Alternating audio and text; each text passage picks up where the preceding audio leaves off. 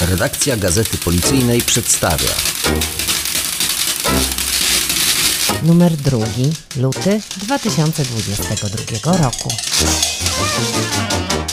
Na Państwa ręce trafia kolejny numer Gazety Policyjnej. Inspektor Mariusz Ciarka, redaktor naczelny. Oczywiście ciekawy i powstający dla Was tak, aby można było w nim znaleźć jak najwięcej ciekawych informacji, które mogą być dla Was przydatne i w codziennej służbie, i w życiu. Historia lubi się powtarzać. Anna Krupecka-Krupińska, sekretarz redakcji. I tak jak prawie rok temu, tak i w tym znowu pracowaliśmy zdalnie i ten numer niemal w całości powstał poza redakcją.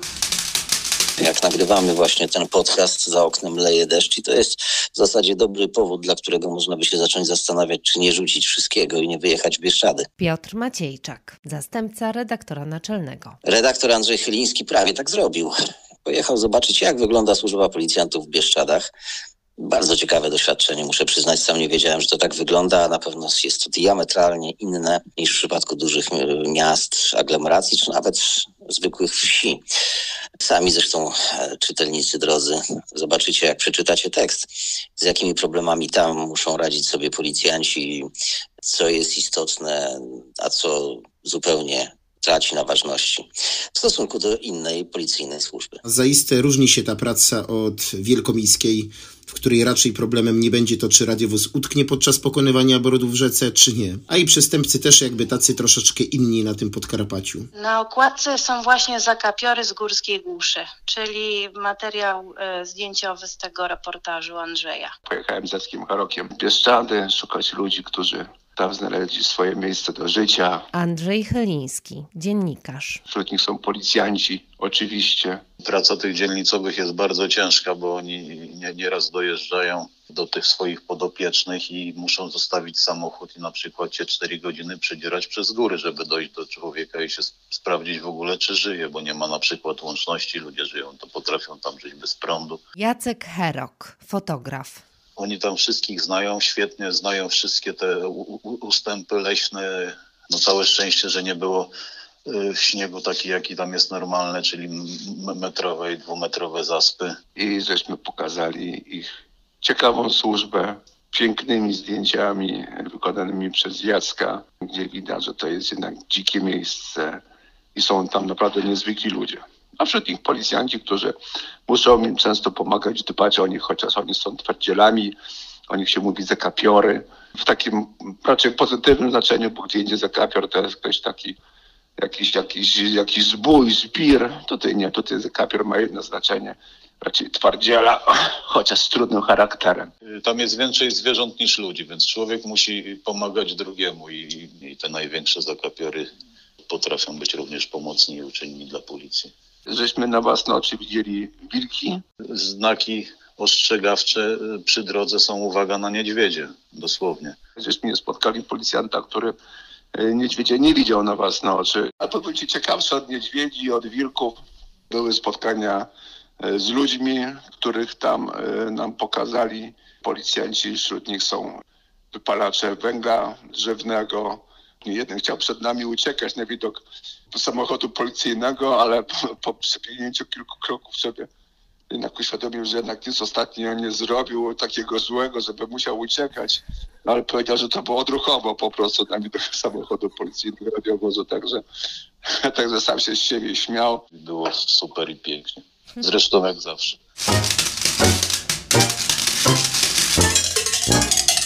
Jeżeli chodzi o podstawowy m, materiał w tym numerze, no sprawy związkowe. Wprowadzenie na początku roku nowych przepisów finansowych spowodowało w naszej formacji pewne zamieszanie i całomlitanie pytań o wysokość zarobków. Sami też nie wiedzieliśmy do końca, jak to wszystko będzie wyglądać, więc o zdań zapytaliśmy tych, którzy o podwyżki i poprawę sytuacji walczyli najwięcej, a więc przedstawicieli naszych policyjnych związków zawodowych i to zarówno tych związków, które dbają o policjantów, jak i o pracowników policji. Rozmawiałam z Danutą Hus, przewodniczącą Komisji Krajowej Związku Zawodowego Pracowników Policji. Z jednymi zrobiliśmy wywiad, drudzy napisali coś sami. W każdym razie wyjaśniają dość obszernie, co zostało wywalczone, czego należy się spodziewać. Udostępniliśmy im nasze łamy, aby do czytelników dotarł kompletny, wiarygodny przekaz o tym, jak będą się kształtowały uposażenia w najbliższych miesiącach i o co jeszcze chcą nasi związkowcy walczyć. Ponadto dzięki wsparciu ekspertów z Biura Kadr, Szkolenia i Obsługi Prawnej Komendy Głównej Policji mogliśmy przedstawić Wam zestawienie najważniejszych zmian w ustawie o policji, z których większość już zaczęła obowiązywać. Warto się z nimi zapoznać. Ponadto warto przeczytać tekst Izy Pajdały dotyczący mobbingu. Nie da się ukryć, że w stutysięcznej formacji różni ludzie mogą się zdarzyć i różne sytuacje. Wszyscy są świadomi, że to zjawisko w policji występuje, choć ze względu na hierarchiczny charakter naszej instytucji wcale nie jest takie łatwe do udowodnienia i wyciągnięcie konsekwencji wobec moberów również nie jest proste. Ale my tego nie ukrywamy, walczymy z tym. No i właśnie w jaki sposób to się odbywa, przedstawiła i zapajdała. Temat został wywołany nie tylko przez pojawiające się co jakiś czas w mediach materiały o mobbingu w policji. Izabela Pajdała-Kusińska, dziennikarka.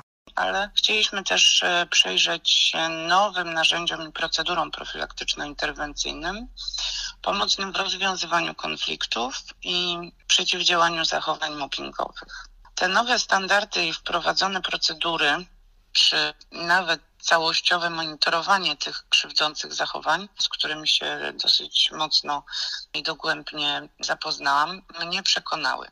Cenne jest też, że pełnomocnik komendanta głównego policji do spraw ochrony praw człowieka, który odpowiada za realizację tych standardów, mówi w sposób otwarty, że za każdą taką trudną sytuacją stoi człowiek i procedury są tylko narzędziem pozwalającym pomóc.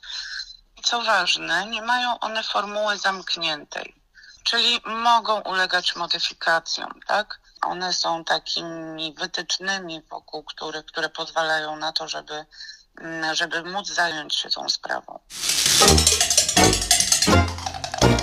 Cykl o pierwszej pomocy. Komisarz dr Michał Kurdziel z KWP w Szczecinie w tym naszym cyklu pisze o trudnym charakterze interwencji i udzielania pierwszej pomocy w sytuacji wystąpienia Excited Delirium Syndrome. Pomoc osobie agresywnej wymaga naprawdę dużych umiejętności i wiedzy i Michał już kolejny artykuł popełnił. To druga no. część, bo w styczniowym była Kolejna, tak, kolejna. Będzie jeszcze następny, już też przysłał, będzie o użyciu paralizatora w marcu. Z kolei sierżant sztabowy Łukasz Kucharski, ratownik medyczny z KWP w Lublinie, podzielił się z nami wiedzą i napisał o przyrządowych i bezprzyrządowych technikach udrożniania dróg oddechowych.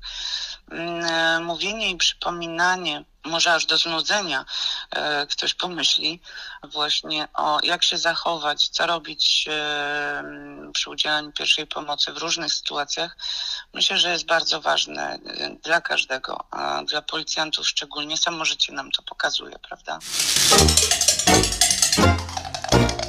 Historii w kraju jest całkiem dużo. O niektórych dowiaduję się dopiero po tym terminie, do którego zbieram te wszystkie materiały. No ale jest tylko osiem. Tyle jest miejsca i rzeczywiście jest mi przykro, że niektórych naprawdę fajnych nie jestem w stanie zamieścić. Krzysztof Chrzanowski, dziennikarz. Chyba jednym z najciekawszych, wydaje mi się, to jest kontrola policjantki i policjanta z drogówki pomorskiej. Kontrolowali noszenie maseczek w autobusach, na pętli autobusowej. Zauważyli człowieka na przystanku, która no, leżała. Podbiegli, okazało się, że nie oddycha. No wiadomo, wszystkie czynności, żeby tą osobę ratować, prowadzili resuscytację. Później przyjechała karetka. Oczywiście wszystko dobrze się skończyło.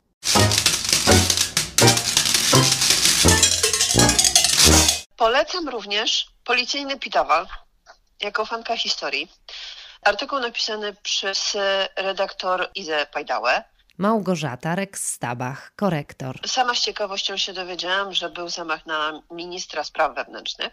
Czyli o zabójstwie Bronisława Pierackiego w 1934 roku. Warto przeczytać i po prostu odkryć z ciekawością, że nie zawsze sprawowanie funkcji państwowych jest bezpieczne.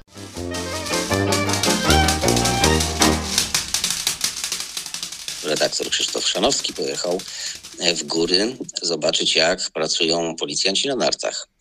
Niby wszyscy o tym wiedzą, że takie służby się odbywają, ale dalej stanowią one ciekawostkę. W związku z tym warto było pokazać, jak rzeczywiście wygląda taka służba policjanta na nartach, kto nim może zostać, jakie szkolenia są przewidziane. Policjanci muszą odbyć specjalistyczne i bardzo wymagające szkolenie, potem zdać trudny egzamin i dopiero wtedy są gotowi do służby na stoku. To nie praca, to hobby. Generalnie wydawałoby się, i mi się wydawało, jak tam jechałem, że to będzie coś w formie przyjemnego patrolu na nartach, jeśli ktoś lubi. Natomiast nie, nie zupełnie tak. Sam fakt zjazdu na nartach może byłby ciekawy, tylko że oni nie zjeżdżają typowo. Oni jadąc po stoku, rozglądają się, reagują na wszelkie sytuacje, jakie widzą. Nie, nie tylko kwestie, że ktoś niewłaściwie się zachowuje, ktoś łamie przepisy, na przykład jest taki kodeks FIS, który reguluje jakby pewne elementy, jak się ma zachować taki narciarz czy snowboardzista na stoku.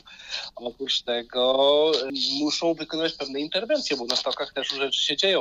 To jest ich główne zadanie. A poza tym jeszcze ważna rzecz, oni to robią ponad jakby swoje obowiązki służbowe. Bardzo ciekawy materiał. Warto zwrócić na niego uwagę. Policja ma w swoich szeregach niesamowitego człowieka. Komisarza doktora Marka Łuczaka z Komendy Wojewódzkiej w Szczecinie. Media określają go często polskim Indiana Jonesem, ale różnica polega na tym, że Marek nie jest fikcyjny. Naprawdę odkrywa i odzyskuje zakopane, porozrzucane cmentarze i skradzione czy też utracone zabytki.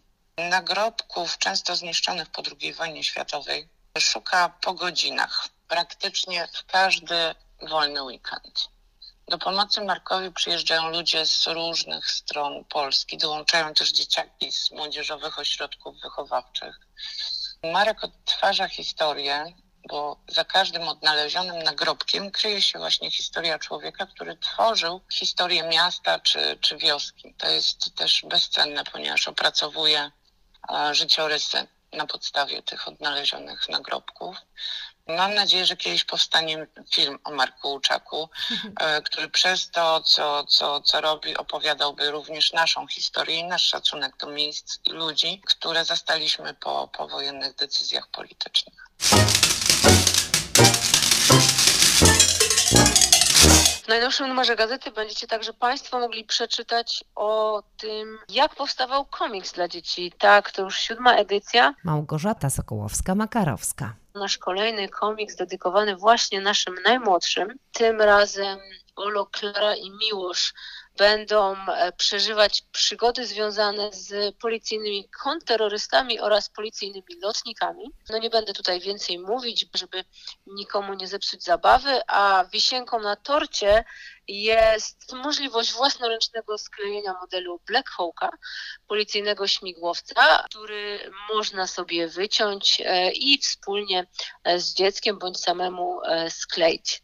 Bardzo fajna zabawa, sama też się bawiłam, także powrót do lat dziecięcych, no i można miło spędzić czas ze swoim dzieckiem.